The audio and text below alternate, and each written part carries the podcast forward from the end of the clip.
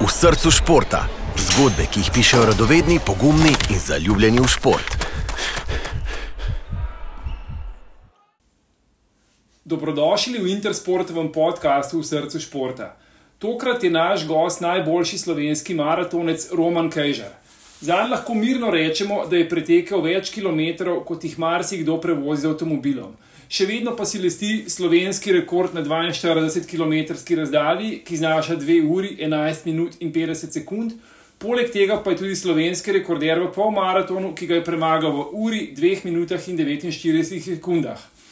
Sodeloval je na treh olimpijskih igrah, zmagal na številnih maratonih, tudi na Ljubljanskem, ki je bil nekakšna stalnica na njegovi poti. Kljub temu, da je že pred nekaj leti končal svojo aktivno športno pot, tekaških superk nikakor ni odložil v kot še vedno veliko teče za svoj užitek, sicer pa je svoje bogato znanje kot trener prenesel tudi na mlajše rodove nadarjenih tekačev.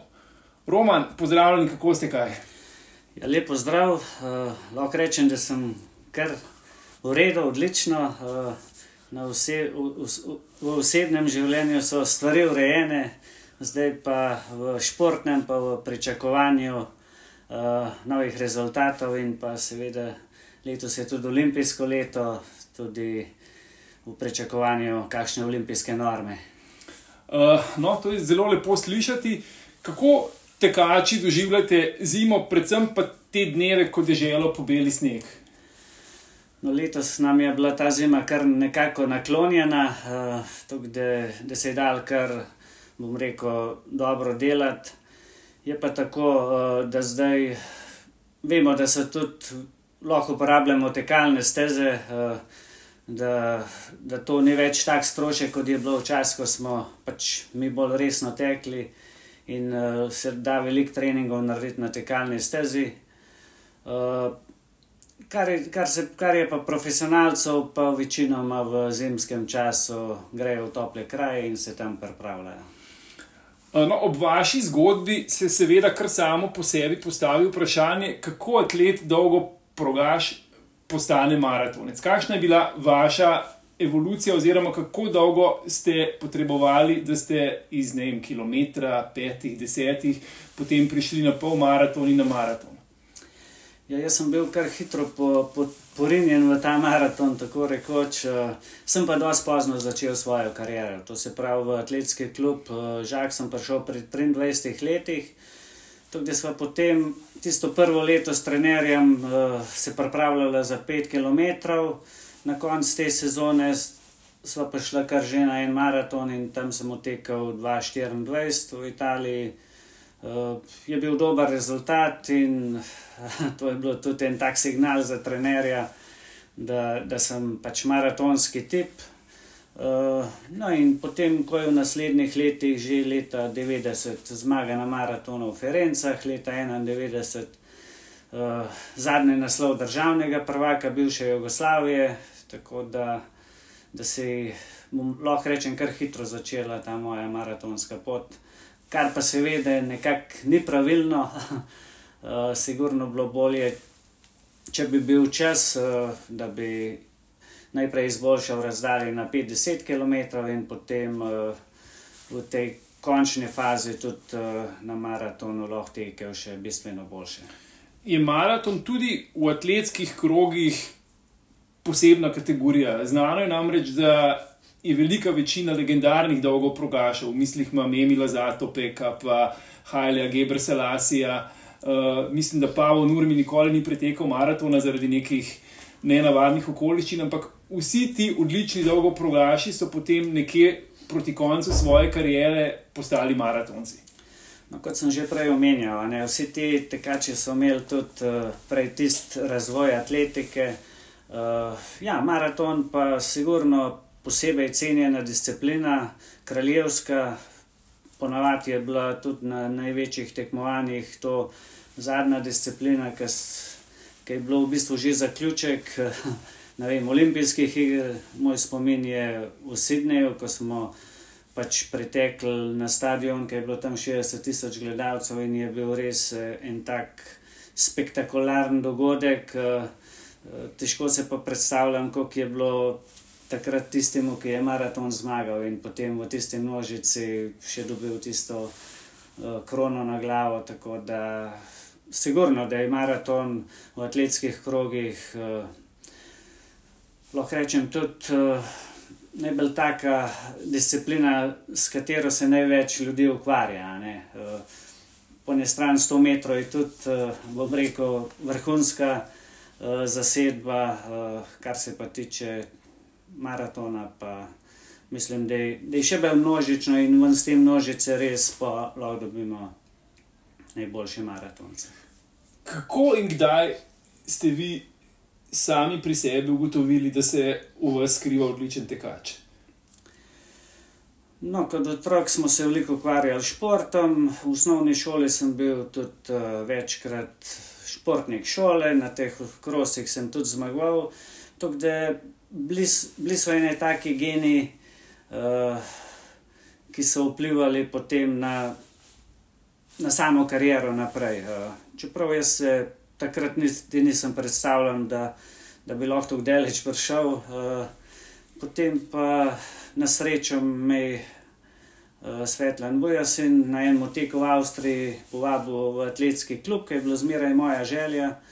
Vendar v tistih časih, pa iz vasi spodnjih dan, ko sem bil, ni bilo avtomobila, ni bilo možnosti nekako priti v en atletski klub. Uh, ta moja želja se je uresničila in potem tudi ti rezultati naprej so se gradili. Kako pomembne pa so povsem naravne danosti, naravne predispozicije? Kakšen je vaš puls, srčni utrip v mirovanju? Uh, no, pomembne so vse stvari telesa. Uh, dejstvo je, da vem, tudi skozi to mojo začetno pot, uh, pa delo na manjši, manjši kmetiji, pa to, da smo se utrjevali, kar je bilo potem posledično uh, da skoraj v celi svoji karieri ni bilo nobenih poškodb, kar tudi vpliva na rezultate. Je pa dejstvo, da genetika, glavno je pa siguren uh, srce, sploh v maratonu in pa glava. Uh, če vemo, da vem, po nočka spimo, da je bil puls pod 30, to je en dokaz, da, da, da je to to. Ste morda tudi že kot otrok brali zgodbe, recimo o grškem vojščaku Fidipidesu, ki je z maratonskega polja tekel v Atene sporočiti novico, da so premagali Špartance in se potem uh, mrtev zgrudil. Da se mogoče ta zgodba zaznamovala, ali pa zgodbe nekaterih drugih legendarnih tekačev, ki so res zelo, zelo zanimive in fascinantne. Ne, takrat, kot sem bil otrok v tistih letih, od 80 naprej, uh, takih Na splošno knjige nisem kaj bral in jih tudi doma ni bilo, tako da v maratonu stvari nisem poznal. Takrat smo živeli bolj za zimske športe, vemo, bojen križaj in to. Uh, tako da v mladih letih tega ni bilo. Uh, s tem sem se nekako potem, ko sem pa že prišel malo uh, v te maratonske zgodbe ali pa dosegel nekaj rezultate, potem uh, so bile zanimive tudi te zgodbe. Mm -hmm.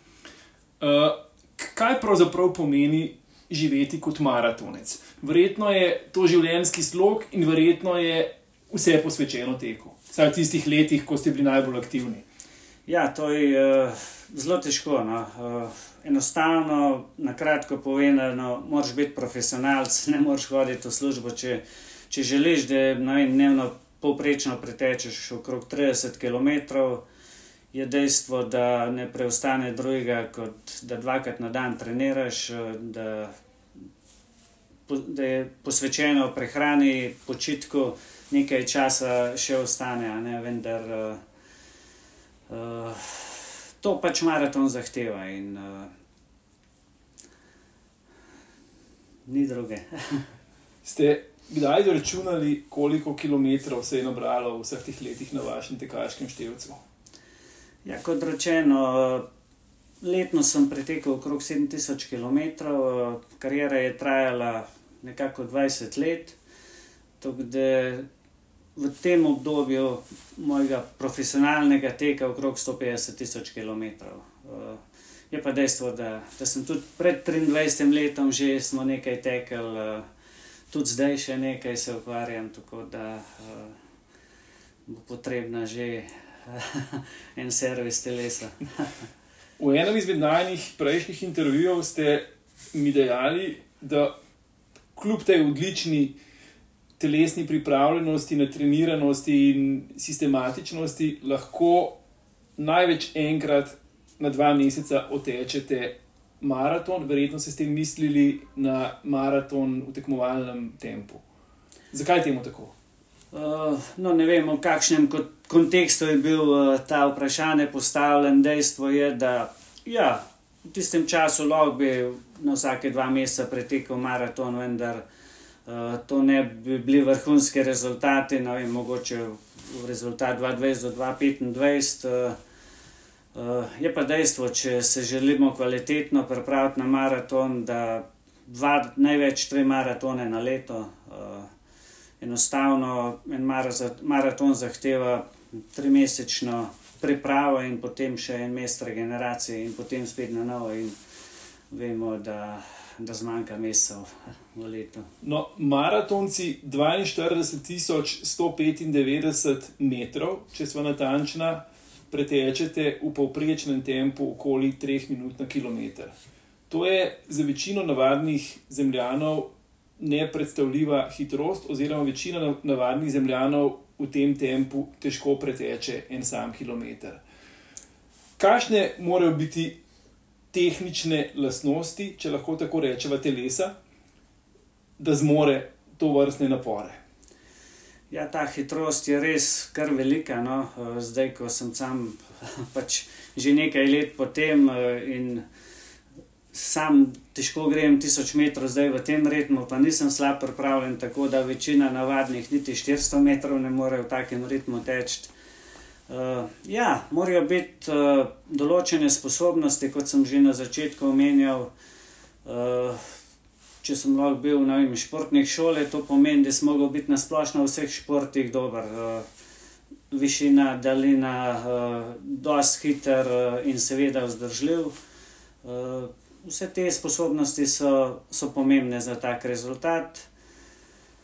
Uh, potem pa velik treninga, treninga uh, odrekovanja. Uh, so bili tudi težki trenutki, vemo, da atletika zahteva 10 let uh, trdega treninga, da potem lahko pričakuješ rezultate, in marsikdo v tem času že odjenja vmes. Uh, tako da, ja, trda volja, zastavljen cilj, uh, telesne predispozicije.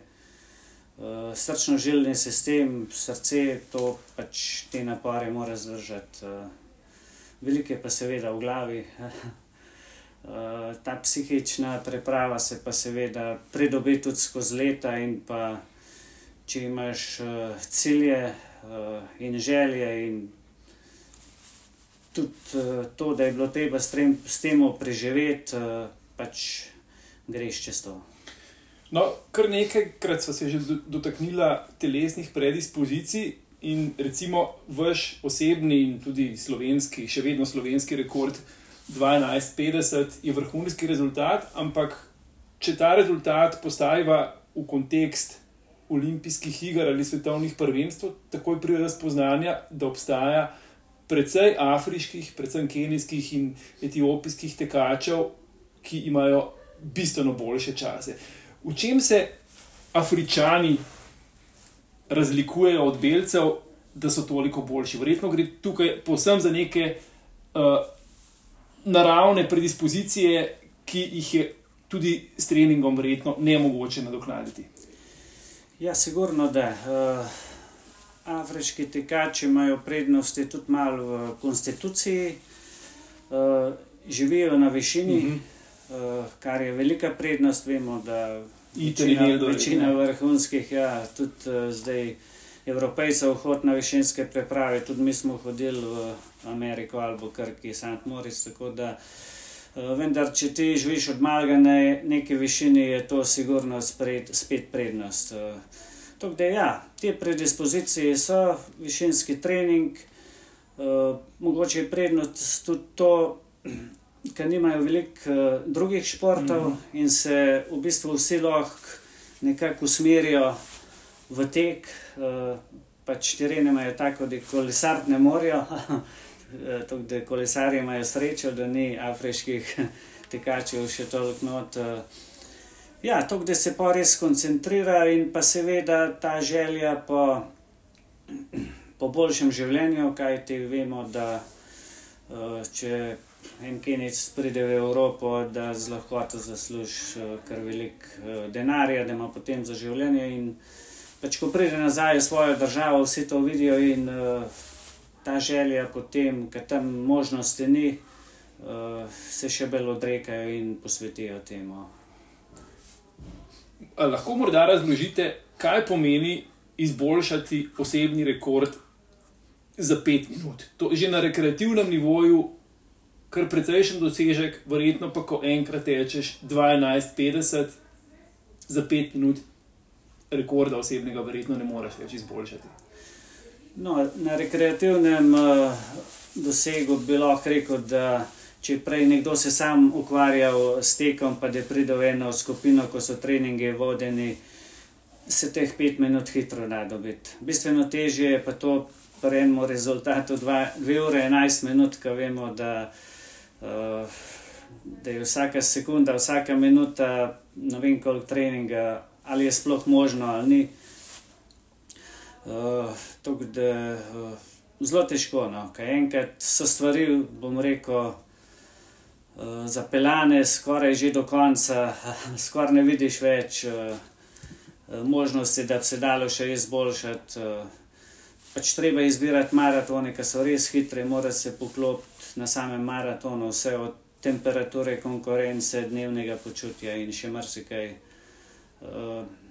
Me je pa presenetilo v zadnjem času, so se pa tudi ti rezultati med evropejci kar spustili no, pod to mejo 2 uh, ure 10 minut, kar je sigurno posledica teh novih uh, tekaških copat. Uh, Ko vemo, da ti da 4 minute v maratonu, no to je tudi nekako dokaz, da če bi to mi takrat imeli, bi jaz to tekel, vem, v 2 ure 8 maratona. Ne, da, Kako blizu smo magični meji dveh ur? Znano je, da je Eliot Kipčoge na Dunaju to mejo v nekih nadzorovanih okoliščinah in res zelo natančno na študirani terasi presegal, uh, ampak očitno smo zelo, zelo, zelo blizu.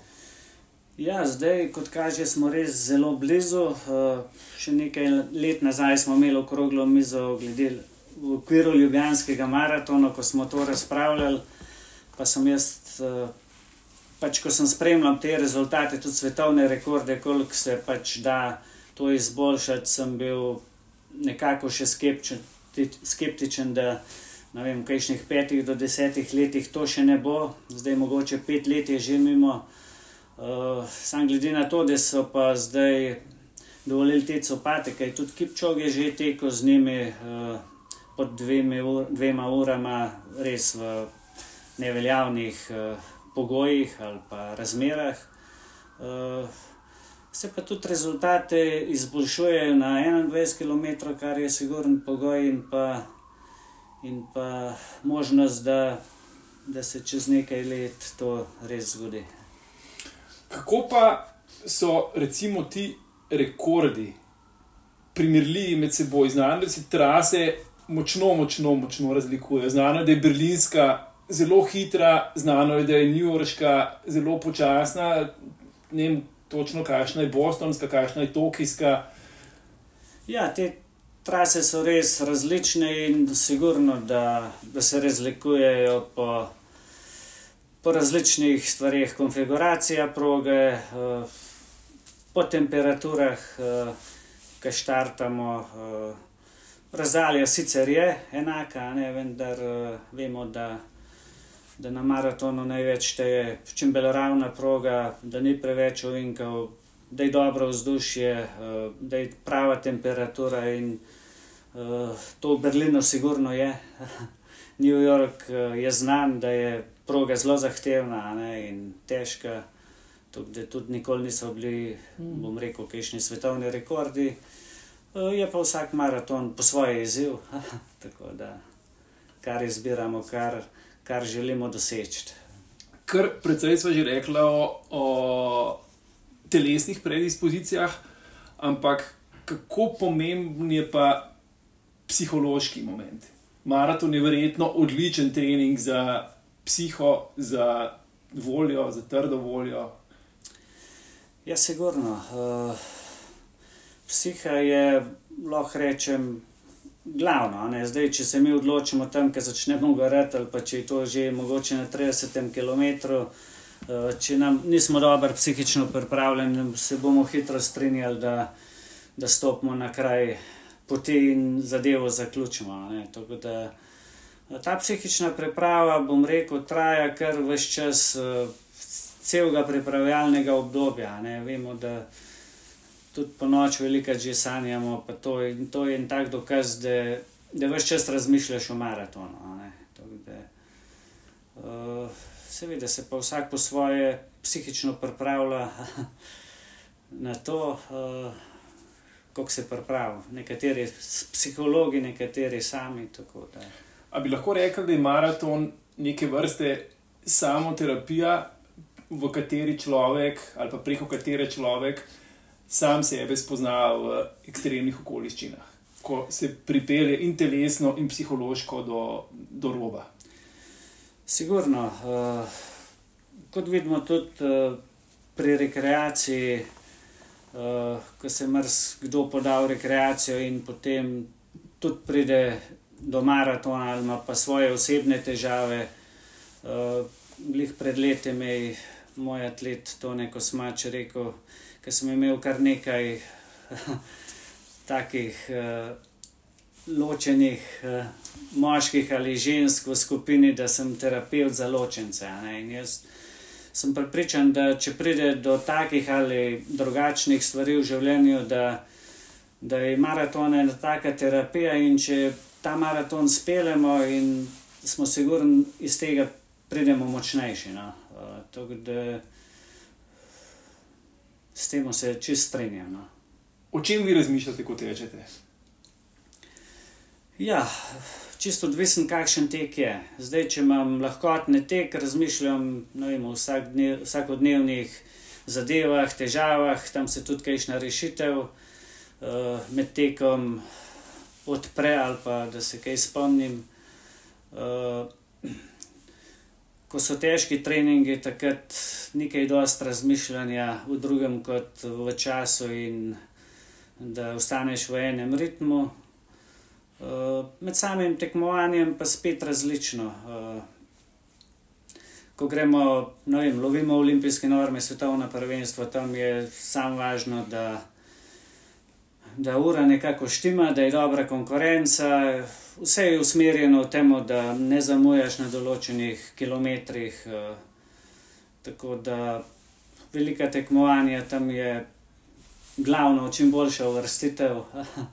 tam mogoče celo želiš, da bi šli malo počasneje, cela skupina, da ne bi bil tak napr. Tako lejte, razmišljanje glede, glede na način, kakšen trening je, so različne.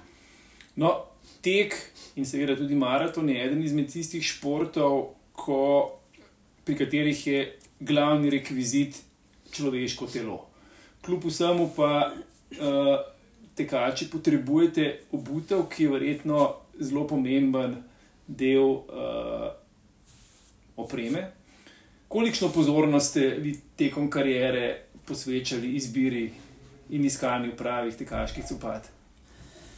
Uh, no, pozornosti je bilo kar veliko, čeprav lahko rečem, da sem imel tudi kar eno tako srečo. No, jaz sem že tam v, v 90, 1990, ja, ko sem nekako začenjal. No, in ko prišel do blagovne znamke Mizuno, vemo, da pred letom 90 se v Sloveniji niti ni dobil še vseh blagovnih znamk, Adidas, Jasa in to je bilo to. da smo večino copat kupovali v tujini. Uh, takrat pa, no vem, kako sem prišel do enega naključja, do Mizuna, ki se je pač v Sloveniji prej seveda ukvarjal s smočarsko opremo, smoči, oblačila. Uh, takrat so pa tudi začeli uh, sopati in lahko rečem, da, da sem imel kar srečo in takrat uh, že dobil copat, ki me je potem spremljal skozi celo kariero. Japonci so znani po zelo perfekcionističnem odnosu do vsega. So tudi copati znamke Mizuno zasnovani v tem zelo natančnem tehničnem smislu. No, to se strinjam in mogoče povem tudi eno anegdoto. Uh, ko sem sodeloval po zaključku karijere z Japonci, ko smo testirali Gora Tex membrano. Uh, poslali so tri pare copat z različnimi membranami in jaz sem mogel z vsakim copatom preteči 500 km. Na vsakih 100 kil pretečenih km sem mogel poročati, kako se copat obnašal, v bistvu ta membrana v različnih v različnih uh, okoliščinah, uh, dež, sneg, uh, blato. Uh, ko sem jaz to podal in poslal te vprašanja, v bistvu ta moja zaznanja, potem so pa seveda oni sprašvali, zakaj to, zakaj uno, zakaj to. Takrat sem res videl, no, kako so kakšni perfekcionisti v, v tem, da res kar dajo na trg, da je to res vrhunsko. Res je bila zbrana, bom rekel, ena vrhunska Gore-Tex membrana, ki je bistveno mehkejša od prejšnjih. Tako da to je bila ena taka moja izkušnja pri tem. Uh, uh, Koliko je pomembno, uh, da je sopad, bom rekel, res tako, kot mora biti. V čem se v poplavi, v današnji poplavi tekaških copat, copati Mizuno razlikujejo od ostalih? Je to tehnološki vidik ali je to kaj drugega? No, Mizuno se sigurno razlikuje uh, po tem tehnološkem vidiku. Vemo, da ima tole val ploščo, ki nam pri teku daje uh, blaženje, ko pa stabilnost in blaženje. Če rabimo blaženje, čevelj blažimo, uh, v primeru, da rabimo stabilnost, ta val plošča čevelj stabilizira. Ne. To je v bistvu dvoje v enem, stabilna amortizacija. Uh, in Mizuno je edina firma, ki ima pač to uh, ugrajeno noto. Vse ostale imajo eno zadevo za blaženje, eno za stabilnost, vendar se včasih to glihna usklajuje, da bi rekel, da ko rabimo stabilnost, da, da stabilizira, ki imamo pa v bistvu mogoče zrak, da blaži. Da, uh, to je ena taka glavna stvar, drugače pa je veliko enih. Uh, Od te nove pene, ki jo razvijajo, da je bistveno bolj odzivna, uh, kako je čevelj zašit, uh, da ga v naravnem delu prime, da so v stopalnem delu zračne kanale, da ne pride do vlage, ki povzroča žulje. In uh, še veliko takih malenkosti, uh, ki seveda vplivajo na, uh, na to, da se na koncu uh, tiska copat uporablja odlično počut. No, kljub temu, da boste kmalo praznovali 58. rojstni dan, ste še vedno odlično telesno pripravljeni pogosto vas vidim, kako na stadionu Žaka uh, tečete svojimi varovanci. Kako pogosto pa sicer tečete za svoj užitek in koliko kilometrov v zadnjih letih pretečete, tako povsem zase. Ja, no, se kar trudim nekako uh, vzdrževati to, to kondicijo. Na vse zadnje, tudi uh, zdaj po zaključku kariere, po zaključku kariere sodelujem uh, s firmo Mizuno v Sloveniji in, in uh, nekako tudi testiram te copate, tako da, da moram nekako ostati, bom rekel, fit, uh, da, da to nekako na slik uh, tudi zgleda. Uh, Ja, drugače pa še kar tečem. No. So bili tudi še ene projekte v programu, vendar sem imel manjšo poškodbo kolena, zdaj se je nekako to saniralo, uh, tako da poskušam vzdrževati, uh, tečem malo z mojimi atleti na atletskem stadionu. Uh, doma s hčero, jo tudi malo usmerjam v tek, tako da tek ostaja moj način življenja.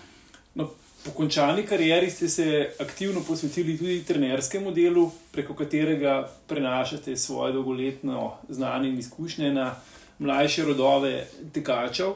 Uh, sodelovali, oziroma sodelujete pa tudi z nekaterimi paraolimpici, predvsem s Sandjem Novakom, Alnom Kobilico in trenutno z Robertom Kogovškom, s katerim trenutno lovita normo za letošnje paralimpijske igre v Parizu. Kako specifično je delo športniki invalidi? Ja, po zaključku karijere sem se res posvetil trenerskemu delu. Uh, mogoče bi se ta prvo malo obrnil na še to uh, maratonsko ekipo, ki smo jo takrat na Atletski zvezi nekako formirali. In lahko rečem, v zelo kratkem času uh, naredili kar nekaj maratonk in pa maratoncev, ki so potem nastopili vem, na svetovnih prvenstvih, olimpijskih igrah v Londonu. Tako je bil kar en tak projekt. No, tudi med tem časom sem pa nekako bil uh, pozvan ali pa poklican strani Primoža Črnilca, da bi če bi bil pripravljen trenirati Sandija Novaka, slepi tekač. Uh, in pa seveda tudi njegov spremljevalec, to je bil kar en velik izziv. No. Uh, najprej je bilo treba malo razmišljati, uh, pa se dati uh, sam v to, da ne vidiš, uh, kaj vse je potrebno pri takem tekaču upoštevati. Zdaj, če gremo na samem spremljevalnem teku. Enostavno moraš biti bistveno boljši od sotekača, uh, tvoj oko more je tam, kad teče sotekač, da ga usmerjaš desno, levo, izogibaš raznim luknjam, opozarjaš na lezeče policaje.